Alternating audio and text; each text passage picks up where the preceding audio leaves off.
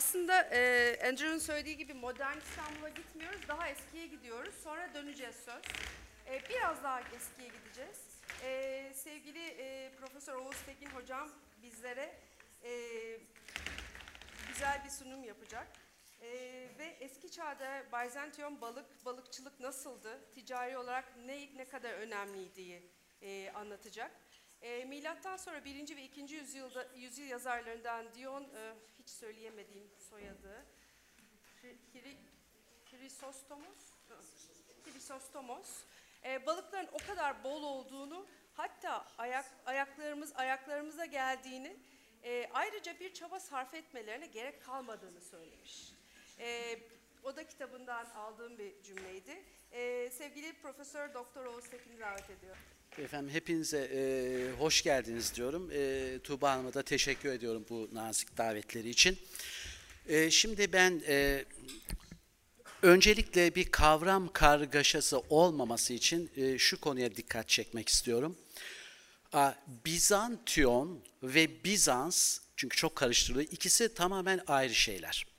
Yani ben e, benden önceki konuşmacının e, döneminden daha eskiye gidiyorum. Bizans'a neredeyse adını veren e, Bizantiyon üzerine konuşacağım. Yani milattan önceki yıllar ve Roma İmparatorluğu dönemi.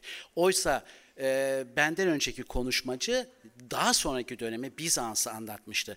Dolayısıyla buradaki Bizantiyon sözcüğü bu şehrin e, adı, eski adı yani tarihi yarımada. E, Kalkedon'da hemen onun karşısındaki Kadıköy. Dolayısıyla e, bu iki kentin e, yerleşmiş olduğu, konumlandığı Boğazı, İstanbul Boğazı'nı e, anlatacağım. Ben e, yemek uzmanı değilim, tarih yemek tarihçisi hiç değilim. Dolayısıyla bir sürü belki bir şeyler geçecek. Zaten e, profesör hocamız da konuşurken dikkat ettim. Bir sürü kişi müdahale ediyor. E, e, yani bana herhalde yüzlerce kez edebilirsiniz. Çünkü e, ben sadece tarihsel kaynaklarda bulduklarımı anlatacağım size. Evet, slaytı görelim. Evet, slayta geçebiliriz. Evet, şimdi e, önce şunu söyleyeyim. Bizantiyon ve Kalkedon bu iki yerleşim birer şehir devletiydi. Devletti. Yani şehir değil, birer devlet. Bugünkü Türkiye gibi, işte Fransa gibi vesaire. Çünkü her ikisinin de e, meclisleri, kanunları vardı. Dolayısıyla bunlar Yunanistan'da, Orta Yunanistan'daki Megara'dan gelen kolonistler tarafından kurulmuşlardı. Önce Kalkedon kuruldu, daha sonra Bizantiyon kuruldu. Dolayısıyla bugünkü modern İstanbul'un bulunduğu yerde aslında üç antik kent vardı. Bunlardan bir tanesi Bizantiyon, bir diğeri Kalkedon ve üçüncüsü de Selümbürya yani Silivri. Şimdi bunlar tabi İstanbul'un Kalkedon'da, Selimbürya'da ilçeleri e, halinde. Fakat o dönemde üçü de ayrı şehir devletiydi. Şimdi burada Rostovsev'in bir e, alıntısını yapmışım. Bizantiyon'u Boğaz'ın kraliçesi olarak tanımlıyor. Biraz önce arkadaşımızın sorduğu soru da önemliydi. Neden e, vesaire. Gerçekten Boğaz'ın burada olması bile oranın a, yerleşilmesi için çok önemli bir neden. Bir de Boğaz'dan geçen a, gemilerden alınan vergileri düşünün. Karadeniz'den Ege'ye ve Akdeniz'e giden gemilerden gümrük vergisi alınıyor. Yani e, ne kadar zenginleşebileceğini bir kentin göstergesi ki antik kaynaklar bunları bize e, veriyor. Şimdi e, üç deniz, bakın Ege Denizi, Marmara Denizi ve Karadeniz. Bu üç denizin birleştiği yerde bu boğazlardaki iki tane boğaz var. Biri İstanbul Boğazı, bir diğeri Çanakkale Boğazı, Gelibolu olan. Dolayısıyla e, İstanbul'un konumu, kendi konumu zaten yetiyor. Yani stratejik olarak e, konumu onun zenginliğini, onun önemini bize gösteriyor. E, bundan sonra lütfen. Şimdi e, buraya baktığımızda İstanbul Boğazı'nın yaklaşık olarak 30 kilometrelik bir uzunluğu var. E, ki Çanakkale buradan daha da fazla iki katı e, uzunluğunda.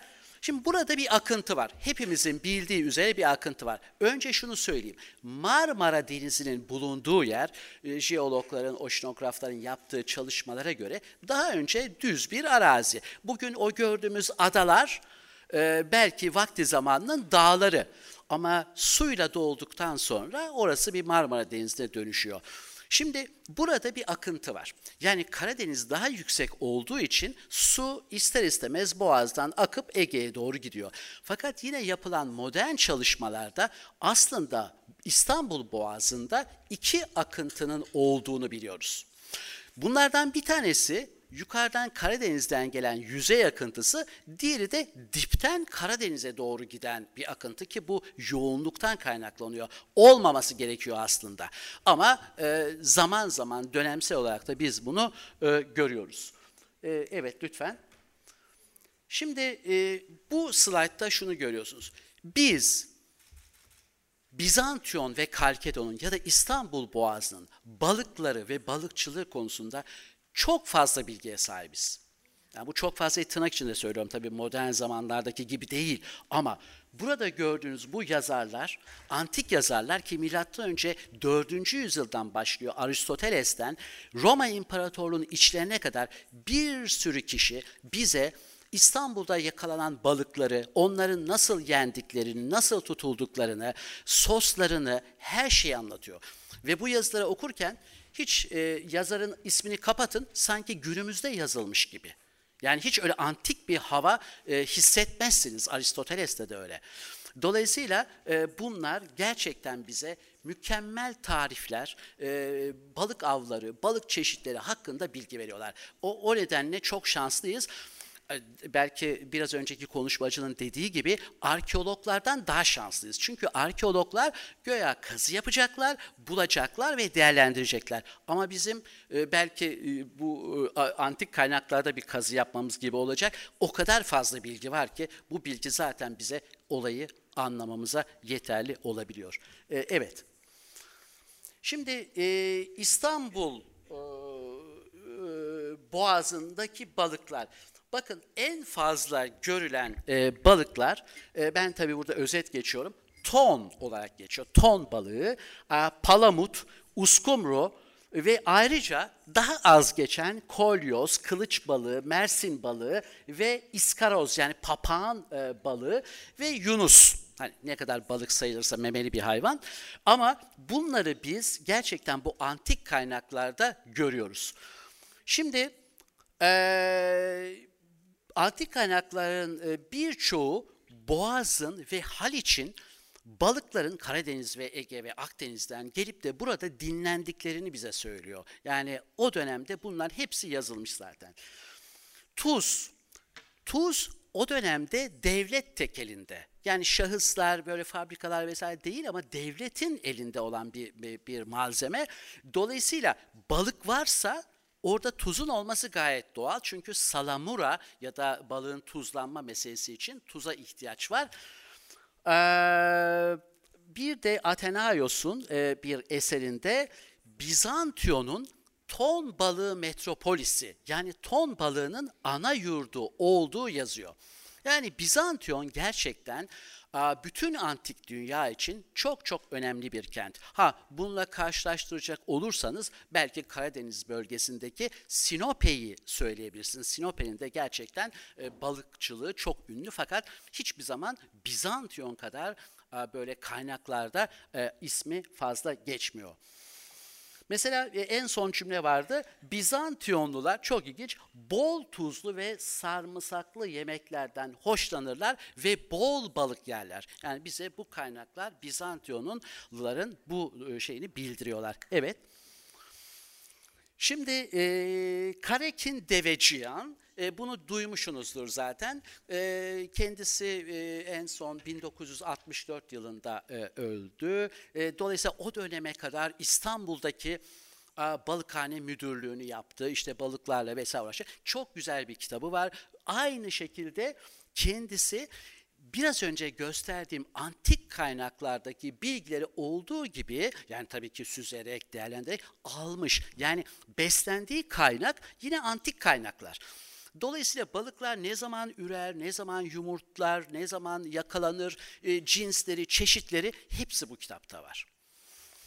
E, bakın burada e, mesela en önemli şey göç balıkları bunlar. Hepsi palamutlar, tonlar yani Karadeniz ile Akdeniz arasında e, göç eden balıklar. E, buna genellikle balık e, şeyinde e, güneyden yani Akdeniz'den Karadeniz'e doğru olan bu yolculuğa Anavaşya, e, kuzeyden güneye olan yolcularda balıkların bu göç balıkların yolculuğuna Katavaşya adı veriliyor. Sonbaharda soğuk kuzey rüzgarlarının işte Karadeniz'in sularını allak bullak etmesi vesaire boğaza yöneliyorlar ve ilk balıklar palamutlar. Daha sonra torikler, en son ise uskumrular geliyor. Bunu bize antik kaynaklar bu şekilde gözlemlemişler ve anlatıyorlar. Göl balıkları var. Niçin göl balıklarına değiniyorum? Çünkü bugünkü İstanbul'un da sınırları içinde burada gördüğünüz Derkos, Regyon, e, Atyura bir sürü göl var. Eski çağ İstanbul'u egemenlik alanı bugünkü surların içi değil sadece. Yani tarihi yarımada değil. O dönemde bir şehir, bir polis kendi sınırlarının yani kendi e, taş duvarlarının, surlarının dışında da egemenlik alanları vardı. Dolayısıyla ta Marmara'nın e, güneyine kadar uzanan bir egemenlik alanı var Bizantiyon'un. Ve oradaki göllerden de balıklar elde ediliyor, göl balıkları. Ve bunları gerek Karakin Deveciyan gerekse başka kaynaklar bize anlatıyorlar. Mesela bakın Derkos Gölü'nden yılda 100 bin kilo.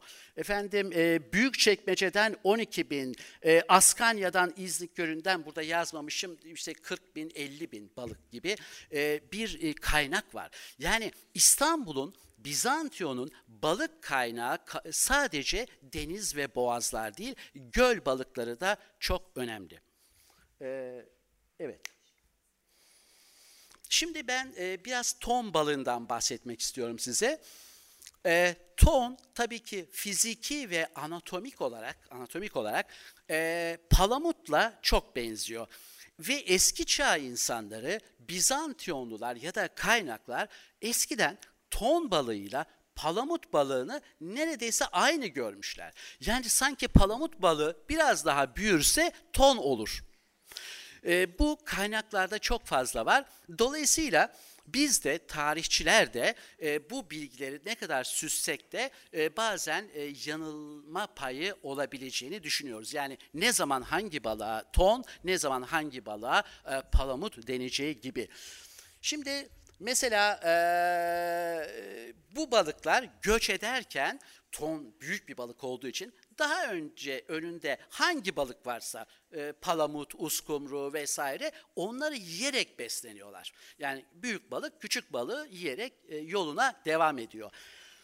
Mesela Aristoteles e, e, balıkların ne zaman çift e, çiftleştiklerini, e, ne zaman efendim e, yumurtaladıklarını vesaire bu bilgileri bize veriyor. Aa, ve ton balıklarına ilişkin bir anekdot var mesela. Şu en alttaki pasajda göreceksiniz. Aristoteles ve sonraki yazarlar hep birbirini tekrar ediyor zaten. Milattan önce 4. Yüzyıl, yüzyılda yazmışsa 3'te, 2'de, 1'de Roma'da aynı bilgi genellikle akıyor. Ta ki 16. yüzyılda Petrus Gillius'un e, bize gelen ve şu an Türkçe çevirisi de olan e, kitabında da gö- gördüğümüz gibi. Mesela ton balıkları sağ gözleri çok iyi görüyormuş göya. Ve bu nedenle de e, Boğaz'ın e, Karadeniz'de sağ kıyıyı izleyerek gidiyorlarmış. E, çıkarken de sol kıyıyı izleyerek çıkıyorlarmış. Tabii böyle bir gözlerini iyi görmesi böyle bir şey yok. Ama bu bir anekdot, e, bu bilgi yıllarca, yüzyıllarca e, aktarılmış. Evet. E, Ton balığı işte Plinius'tan e, burada görüyorsunuz ton balığının büyüklüğünü. Ton balığı ile palamutun aynı olduğunu. Yani o dönem insanları bunu çok ayırt edemiyorlar. Benziyor birbirine. Çünkü yavru bir a, ton e, pekala palamuta benzeyebiliyor. E, Plinius yine ton balıklarının teknelerin altından gittiklerini ve e, onlara e, takip ettiklerini söylüyor. Ve bu yüzden de belki de refakatçi balık olarak onları adlandırılabileceğini bize anlatıyor. E, keza Sostratos e, aynı şekilde e, ton ve palamut arasındaki farkı bize küçük ve büyük olarak anlatıyor. Evet. Şimdi bunlar hep aynı şeyler. Yani e, ton ve palamutun aynı balık olduğu. Ama biz bugün biliyoruz ki onlar ayrı familyadan balıklar. E, tabii Karadeniz, Karadeniz çok önemli. Neden çok önemli?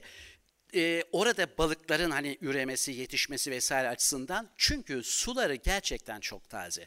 Görüyorsunuz yukarıdaki slaytta da birçok yukarıdan gelen ırmaklar var. Anadolu'dan var, e, Sakarya Irmağı, Yeşil Irmak, işte Kızılırmak onlar dökülüyor ve bir de yukarıdan dökülenler var ya da batıdan Don, Tuna, Volga vesaire.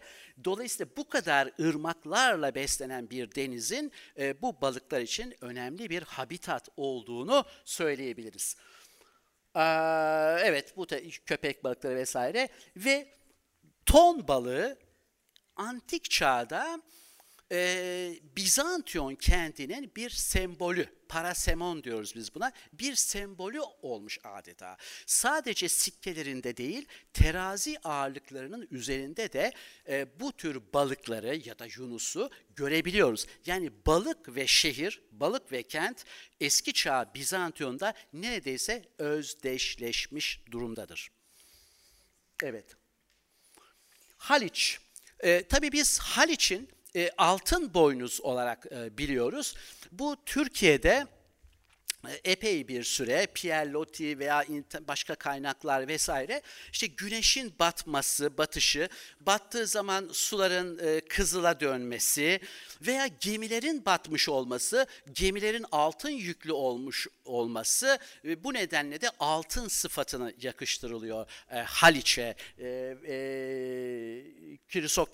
olarak yani altın boyuz tam Yunanca adıyla. Oysa bu böyle değil. Bunu e, bu yıllardır belki de 19. yüzyılda 20. yüzyılda böyle böyle gelmiş. Ama eski çağ insanları Haliç'e neden altın boynuz dendiğini e, bugünkünden daha iyi biliyorlardı. Çünkü bir sürü çalışmalarda, eserlerde bu anlatılıyor idi. Evet. E, şimdi bizim en önemli kaynağımız bu konuda Plinius'tur. Yaşlı Plinius. E, biliyorsunuz Roma İmparatorluğu'nun başlarında e, yaşadı. E, bu kişi bize Haliç'in geyik boynuzuna benzediğini ve bu boynuzun içine balıkların dolduğunu yani Haliç'e balıkların dolduğunu ve bunun da tıpkı bir bereket boynuzu gibi e, göründüğü için o e, kerasın, e, boynuzun bunun a, altın boynuz olduğunu söylüyor. Yani daha o dönemde Roma İmparatorluğu döneminde e, Haliç'e altın boynuz denmesinin nedeni buradaki balıklar, balık zenginliği. Fakat Plinius balıkların adını vermiyor. Yani ton balığı vesaire. Ama biz sonraki başka başka versiyonlardan ya da e, sikkelerden ya da başka kaynaklardan bunların pelamüs ya da palamut olduğunu anlayabiliriz. Yani Haliç e, şey, altın boynuz denmesinin bereket boynuzuyla tam ilişkisini kurmak için söylüyorum. E, içi e, meyve dolu, meyve dolu bereket bir bereket boynuzu değil, içi balık dolu bir bereket boynuzundan e, söz ediyoruz. Evet. Şimdi e, Yunus tabii e, çok önemli. Ee, Yunus'un e, normalde eti yemiyoruz, yenmiyor ama avlanıyor ve antik kaynaklar bize Yunus avlarından bahsediyor ve Yunus hikayelerinden bahsediyor, acıklı hikayelerden. Çünkü e, yağ, yağı kullanılabiliyor, yağından e, e, kullanabilirsiniz e, endüstriyel olarak. E, dolayısıyla e, burada Bizantiyon'da ve Boğaz'da nasıl zıpkınlarla balık avlandığı, e, Yunus avlandığını bize bu yazarlar anlatıyor. E, veya eğer bazen avda, ağlarla yaptığınız avda eğer bir kılıç balığı ya da yunus varsa ağın içinde onun ne kadar böyle ağlara zarar verdiğini bize anlatıyorlar. Yani ondan da kurtulmanın gerekli olduğunu. Ee, şimdi bir de şöyle bir şey var. En son cümleye dikkatinizi çekiyorum. Hani hep böyle inanç vardır. E, dua edersiniz işte bir şey olsun diye e, havaların iyi geçmesi vesaire. Balıkçı duası diyebileceğimiz bir şey belki de Poseidon'la ilişkiliydi. Çünkü gerçekten balıkçılar ava çıkıyorlardı ve denizin dalgasız olmasını, işte rüzgarlardan olmamasını, balığın iyi geçmesini umuyorlardı ve dua ediyorlardı tanrılarına. E, o da Poseidon olmalı değil mi deniz tanrısı? Ve eğer e, balık avı istenildiği şekilde iyi geçmiş ise o zaman e, o balıkların e, bir kısmını ya da birin en büyüğünü e, benim dilerde bir e, tanrıya Poseidon'a e, veriyorlardı pardon. Ben saatim e, kurulmuş ama er, geç kalındığı için e, şey yaptım. Ben bitirmem lazım şu an aslında.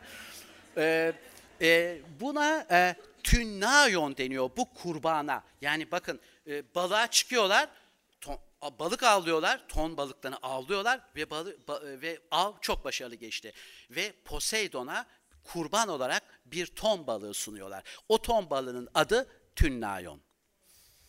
Evet. Ee, şimdi Aelianus dedim ya bazen e, acıklı hikayeler de var. Gerçekten balıkçılar e, Yunusları da e, avlıyorlar. Ama Yunusların insanlarla olan ilişkisine güzel bir örnektir Aelianus'un bize anlattığı. Hani göya e, bir gemi batıyor ve o gemideki bir kişi kurtuluyor. Kurtulması da Yunuslar sayesinde. Yunuslar o kişiyi boğulmadan alıp su yüzüne çıkartıyorlar. Herkes ölüyor ama Yunusların kurtardığı o kişi yaşıyor.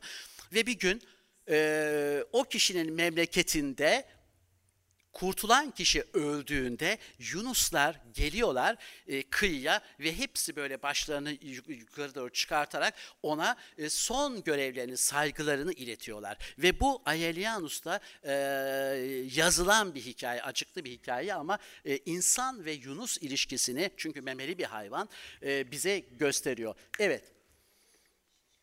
Şimdi şans ve uğur. Ee, yani balık ve şans uğur tabii ki vardır. Ee, balığın kutsallığını biliyoruz. Ama e, özellikle deniz salyangozu ile ilgili yine antik antik çağ yazarlarından bize gelen bir takım bilgiler var. Mesela bu deniz salyangozu e, denizde oldukça derine kadar gidebiliyor. Ama bir tanesi esas olanı, kral olarak betimleneni gidebiliyor. Diğerleri onu takip ediyor. Dolayısıyla Bizantiyonlular eğer böyle bir deniz salyangozu görmüşlerse, onu kim e, yakalarsa, kim görürse e, bu bir yarışma gibi bir şey. E, büyük bir şansa hayatının değişeceğine, uğur olacağına inanıyor ve diğerleri bu kişiye para veriyorlar. Bir drahmi bir para yani bir kazanana bir ödül olarak. Dolayısıyla bu anekdot bize hiç olmazsa antik çağda deniz salyangozunun uğur getirdiğine, talih ve şans getirdiğine bir örnek. Evet.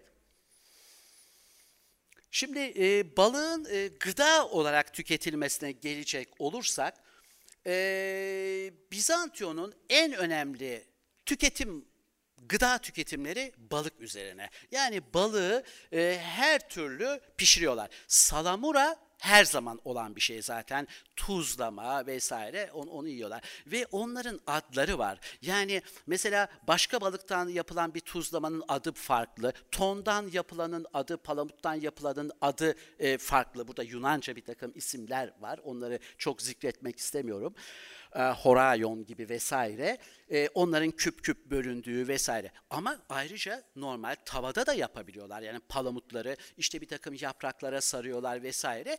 Bize bu antik kaynaklar tariflerini veriyorlar. İşte içine şöyle kimyon atın, böyle yapın, tuz koyun vesaire. E, çok güzel gerçekten e, biz tarifler elimizde var. Evet. Burada da aynı şekilde bakın Athenaios çok önemli bir kişi Athenaios e, ve o e, Arkestratos'tan bize naklediyor. O şöyle demişti, böyle demişti şeklinde palamut balıklarının ya da to- ton balıklarının nasıl salamura edildiğini, nasıl yenmesi gerektiğini, lezzetlerini nasıl alınabileceğini bize e, bu antik yazarlar anlatıyor. Evet. Evet. Ee, keza e, okuyorsunuz yine aynı şekilde e, balıkların tuzlama vesaire yapılmasını. Şimdi Arkestratos'un bahsettiği bir balık türü de iskaroz balığı ya da papağan balığı. Şimdi bu balık çok ilginç çünkü bu sıcak denizleri seven bir balık. Akdeniz'de daha çok yaşıyor, yetişiyor ya da dolaşıyor. Biraz büyükçe.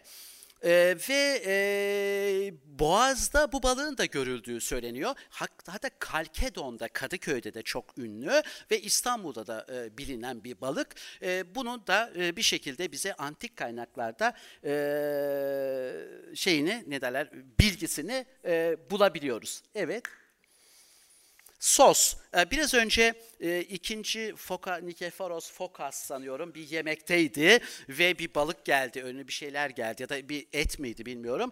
Ee, ve bir sos ve bir sos e, e, tam bahsedildi. Bir sıvı bir balık. İşte o bir sos aslında, balık sosu.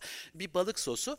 Balık sosu e, e, eski çağda çok önemli. Yani bunları böyle amforalar içinde, kaplar içinde her yere e, servis edebilirsiniz ve e, böyle balıkların iç organlarını vesaire bize anlatılan o tabii şimdiki modern çağda nasıl balık sosu yapılır bilmiyorum ama eski çağda e, o dönemde e, balıkların iç organlarını suda bekletiyorlar tuzlu suda vesaire. Bu, ha bu bazen çok nefis bir sosa dönüşebilir bazen berbat bir şey olabilir ya da uzun süre e, bekletilerek e, servis edilirse. O yüzden belki de Nikeforos beğenmemiş olabilir. E, dolayısıyla burada e, balık soslarından bahsediliyor. Özellikle bakın likuemen, e, alek ve murya ve tabii garum en meşhuru garum e, bu balık sosları. Hatta şuradaki bir kap içinde üstte Latince liqua şeklinde yazıyor. E, bunlar balık sosları gerçekten özellikle e, çok ilginç Adana Mersin yöresinde de bunlar çok yo- yoğun. Orada balık sosu yapıcıları var. Edebi kaynaklar ve antik e, epigrafik kaynaklar bize balık sosu konusunda e, bilgi veriyorlar. Nasıl çeviriyor bilmiyorum. Çok hızlı konuşuyorum. E, evet. E, şimdi e, bu kadar önemli bir kent var. Bizantiyon ve Kalkedon. Her zaman Bizantiyon Kalkedon'un önünde olmuştur. Yani tarih boyunca. Bizantiyon bir numaralı kenttir, Kalkedon iki numaralı diyelim ki. İkisi de megara kolonisidir. Dolayısıyla biz yine de burada anlamamız gereken Boğaz'ın kendisidir. Yani ister Bizantiyon olsun ister Kalkedon ikisi de Boğaz'dan pay alıyorlar. Ama her nedense edebi kaynaklar ve her şey bize Bizantiyon'a yönlendiriyor. Bizantiyon'un balıkçılığını bize anlatıyor. Kalkedon'da çok fazla yok. Yok değil, var ama Bizantiyon kadar değil. Şimdi burada Bizantiyonlular öyle ileri gitmişler ki bu balığı bir devlet sembolü olarak adeta algılamışlar ve sikkelerin üzerine balığı koymuşlar. Her yerde balık göremezsiniz. Antik çağda yüzlerce şehir devleti sikke basmıştır her yerde Akdeniz dünyasında ama balığı kullanan çok fazla değil. Ama Bizantiyonlular bakın üstteki sikke Bizantiyon'a ait. Ne var? Bir Yunus üzerinde bir aa, bir inek var. Muhtemelen inek tarıma e, karasal bir takım e, zirai e, meselelere işaret ediyor. Yunus ise balıkçılığına işaret ediyor. Ama alttaki sikke Kalkedon sikkesi. Bunlar ikisi de gümüş sikke. Aynı dönemde basılmıştır 5. yüzyıl, 4. yüzyıl. Orada ise Kalkedon'da basılan alttaki sikkede ise bir e, boğa var ve e, o boğa bir buğday başağının üzerinde duruyor. Demek ki e, buğday başağı ve hayvan ikisi tam olarak tarıma bizi referans veriyor, ona gönderiyor. Ama İstanbul'da balıkçılık da işin içinde var. Şimdi bütün bu klasik çağ, Helenistik çağı bitirdik. Augustus'la beraber Roma İmparatorluk dönemine geçtik. Bizantiyon kendini adeta tutamıyor, daha da ileri gidiyor. Roma imparatorları döneminde e, bazı imparatorlarda belki 10-15 imparator ya da imparatorça döneminde basmış olduğu sikkelerin arka yüzlerinde balıkları kullanıyor. Bakın burada e, bir sürü işte Karakallı, Gallionus, işte kraliçeler onların sikkeleri var. E, görüyorsunuz ik- bir iki tane palamut, ortada bir Yunus, aynı şekilde ikide de öyle ve üçte de öyle. Bu tür sikkeleri hep görüyoruz Bizantiyon'da. Yani balığın gerçekten paraların üzerine yansıyacak kadar önemli olmasına e, kanıttır bunlar. Pardon bir önceki sikkeye gelebilir. e, Bir önceki şey ha evet. Ee, evet. Ha, şimdi buradaki problem şu. Bu balıklar ton balığı mı? Palamut balığı mı? Şimdi bunu inceliyoruz, inceliyoruz. Çok küçük oldukları için anatomik özellikleri bize bir şey vermiyor. Ama benim şahsi fikrim ve genelde de odur. Yani bunların e, palamut olabilecek çünkü ton e, o kadar fazla çok yoğun olamayabilir ama ton çok önemli ve antik kaynaklarda ton adı geçmesine rağmen e, ikisinin benzerliği de söz konusu. Bu yanılsamayı da dikkat e- edebiliriz, göz önüne alabiliriz. Evet. Şimdi bakın Kalkedon. Hani e, haksızlık etmeyeyim diye bu slaytı özellikle koydum. Athenaios bize bildiriyor. E, İstiridyeleri çok ünlü. Mesela Kalkedon'da İstiridyeler e, gerçekten çok ünlü. E, yine Athenaios'tan öğrendiğimize göre e, papağan balığı var ve papa ve nasıl pişirildiği var. Büyüğünün ve e, irisinin ne kadar önemli olabileceğini, nasıl pişirilmesi gerektiğini papağan balığının bize anlatıyor. E, mesela hamsi çok bahsetmedik ama ilginç bir şekilde e, Arke, A- Athenaios bize hamsiden ya da ançüezden başka yerde ançüez olarak da geçiyor ama ançüez biraz daha salamura hali herhalde ya da ançüez sa- şeyden yapılır e, hamsiden elde edilebilir ama bunlar bize e, bir şey veriyorlar E, veya e, bir başka Aulus Gellius'ta da Kalkedon'un yavru ton balıklarının belki de bu palamut balığı, belki de palamut balığı muhtemelen e, bize Kalkedon'un balıkçılığı konusunda bilgi veriyor. Şimdi bütün bu balıklar var, e, gıda olarak tüketiliyor. Bunlar nasıl avlanıyorlardı? Tabii av metodu çok fazla değişmiyor. Yani oltayla, kancayla avlayabilirsiniz. O dönemde zıpkınlar var. Zıpkınlarla avlayabilirsiniz. Tek uçlu zıpkınlar, mızrak gibi veya trident dediğimiz o üç, üç tane çatalı olan e, onlar. Ve bir de tabii en önemlisi ağlar, ağlar, ağlarla e, bu balıkların avlanması mümkün. E, tabii e, bize e, en fazla e, e, bilgi bu yazardan gelen şu. Bazen kıyıda yüksekçe bir tepeye çıkıyor bir Bizantiyonlu veya Kalkedonlu. Denize bakıyor. Balık göçlerini hissettiği zaman hemen haber veriyor. Ve o haber üzerine hemen ağlar atılıyor veya toplanıyor ve balık böyle çok miktarda kütlesel olarak onların eee, toplanmasına e, vesile oluyor. Yani çünkü olta balıkçılığı ya da zıpkınlarla avlamak çok fazla e, şey verimli olmaz ama ağlarla e, balık tutulması çok daha iyidir. Evet. Şimdi ton ve evet bu hep gözetleme metodu. Biraz önce bahsettiğim size ki bu da tekrar ediyor antik kaynaklarda. Yani illa birisi yüksekçe bir yere çıkacak, gözlem yapacak ve balıkların yaklaşması, ağların atılması, toplanmasıyla bu balık avı gerçekleşecek. Evet. Yunus avı, e, tabii bu Yunus e, önemli ama e, Opianos olsun, başkaları olsun İstanbul Boğazı'nda ve Bizantiyon'da Yunusların avlandığını gösteriyor. Yani dediğim gibi yağları için vesaire vesaire. Ve e, çok acıklı hikayeler var. Yani mesela e, e, denizde işte sandallarında giderken Yunus'u öldürüyorlar. E, yavru bir Yunus'u olabilir. E, ondan sonra arkasından annesi geliyorsa hiçbir şey yapmıyorlar. İyice gelsin diye bekliyorlar. Onu da öldürüyorlar. Ve böylece bu Yunus avı e, gerçekten eski çağda e, Bizantiyon'da ve Boğaz'da e, anekdotlara ya da edebi kaynaklara e, yansımış durumda. Evet. Şimdi Ee, Biraz önce Poseidon'dan bahsetmiştim. Ee, Poseidon deniz tanrısı malum ve e, e, balık tutulduğu zaman e, balığın verimli o avın geçmesi için dua edilen kişi, tanrı. E, aynı benzeri Bizans döneminde de muhtemelen vardır gibi. Mesela bu Stylites Lucas yani bir kaynakta yine bu kendi e, yapılan o- ortaçağ daha geç bir kaynakta 10. yüzyıla e, tarihlenen bir kaynakta e, Kadıköy'de Kalkedon'da e, bu böyle bir kişinin yaşadığını işte Lukas'ın ve e, Kalkedonların balığa çıkmadan önce bu kişiye dua ettiklerini tıpkı Poseidon'a yaptıkları gibi ve avladıkları balığın eğer verimli geçmişse av yüzde onunu ki Yunanca adıyla veriyor oraya apodekatosis e, şeklinde yüzde onunu bu kişiye veriyorlardı. Yani bu bize bir anekdot olarak e, yansıyor. Evet. E, balık pazarları. Şimdi balık çok hassas bir şey. Et en azından kokmaması, bayatlamaması, serin tutulması, muhafaza edilmesi gerçekten e, çok önemli. Bu nedenle de biz pazar dediğimiz zaman pazarlar agoralar aklımıza gelir değil mi? Eski Yunan, eski 5. yüzyıl, 4. 3 bütün Helenistik dönem boyunca agoralar vardır.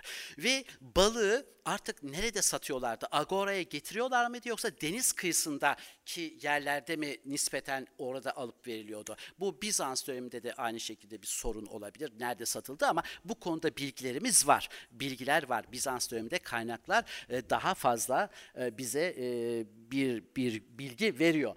Ama benim demek istediğim burada şu.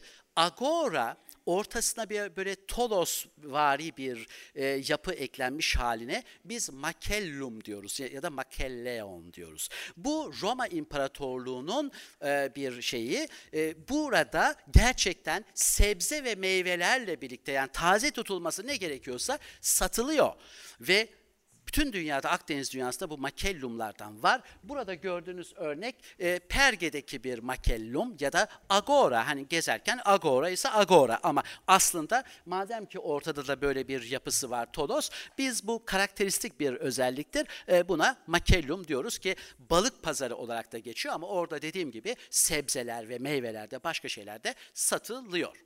Evet. Şimdi ben bir e, vaktimi hani sizin yemeği de almamak için çok hızlı gidiyorum bu şekilde. Genel bir değerlendirme yapacak olursak isterseniz baştan bir okuyalım. Çünkü bu söylediklerimin bir özeti. Bakın e, öncelikle vurgulanması e, gereken şu. E, buradaki bütün konu eski çağdaki edebi kaynaklarda ya da epigrafide ya da numizmatikte olan bitendir. Modern e, kaynaklardan alınmış şeyler değildir. O zaman insanlar ne düşünmüşler, ne yemişler, ne yapmışlar onların bir yansımasını ben size anlattım. Aa, Boğaz üzerinde e, kurulmuş olmasından dolayı Bizantiyon'un sadece tüketmiyorlar, ihraç da ediyorlar. Büyük bir para kaynağı. Hani Boğaz'dan geçen gemilerden alınan vergilerin dışında palamutların, tonun, baş- balıkların e, salamura olsun, başka şekilde olsun başka yerlere ihraç edilmesi Bizantiyon'un zenginleşmesi için çok önemli bir neden idi. Ton balığının metropolisi. Bu bir sıfat olarak çok önemlidir. Bir antik çağda bir yerin ton balığının ana yurdu denmesi fevkalade önemlidir. Bu ona bir şöhret kazandırmıştır. 2004 yılında e, ve sonrasında biliyorsunuz Yeni Kapı'da Marmaray ve metro kazıları yapıldı. Ben de bazen orada çalıştım bir takım başka başka sikkeler üzerinde ve oradaki balık kemiklerinden bizim e- edebi kaynaklarda, antik kaynaklarda anlatılanla örtüşen bir durum ortaya çıkıyor. Mesela neler var? Aa, ton balığı olmak üzere kılıç balığı, palamut, uskumru, kolyoz ve yunus kemiklerine kazıda rastlanıyor. Yani arkeologların yaptığı ve bu bir takım e, şeyler bize en azından tabii ki milattan sonra bu dediğim biraz erken dönem Bizans'ına giriyor 6. 7. yüzyıllar o, o dönem. E, Bu, bu, bu kemikleri bu şeyi bize veriyor. Aa, Bizantiyon'un gelirini işte Boğaz'dan aldığı gümrük vergisi, balıklar falan diyoruz ve sikkelerine bunu koyması. Bakın her kent koymaz. Örnek verin derseniz bana size Kizikos'u verebilirim. Erdek'teki Kizikos antik kenti. Kizikos kenti de sikkelerinde balıkları yoğun olarak kullanan, ton balığını sembol olarak yapan nadir kentlerden biridir. Aa, ve sonuç olarak e, belki şunu söyleyebiliriz artık. Gerek balığın işte tüketilmesi gıda olarak, gerekse ihraç edilmesi. Bir şehir devletini, Bizantiyon gibi bir şehir devleti ve tabii bundan da nasibini alan Kalkedon'u gerçekten uzun yıllar zengin, müreffeh bir kent olarak e, varlığını e, sürdürmesine neden olmuştur. Yani hani balık deyip geçmemek gerekiyor. Balık bir numaralı endüstriyel e, üründür Bizantiyon için. Çünkü Afrodisyas da mesela heykeltıraşi ünlüdür. Onları ihraç ederler. Ne bileyim başka bir yerde çömlekçilik, vazoculuk ünlüdür. Bir yerde zeytinyağı önemlidir. Bizantiyon dendiğinde aklımıza gelecek olan bence tek gıda balıktır ve balıkçılık bu kentin bir numaralı e, endüstriyel e, ürünü ve e, yaptığı iştir diye düşünüyorum. Efendim hepinize e, çok teşekkür ediyorum.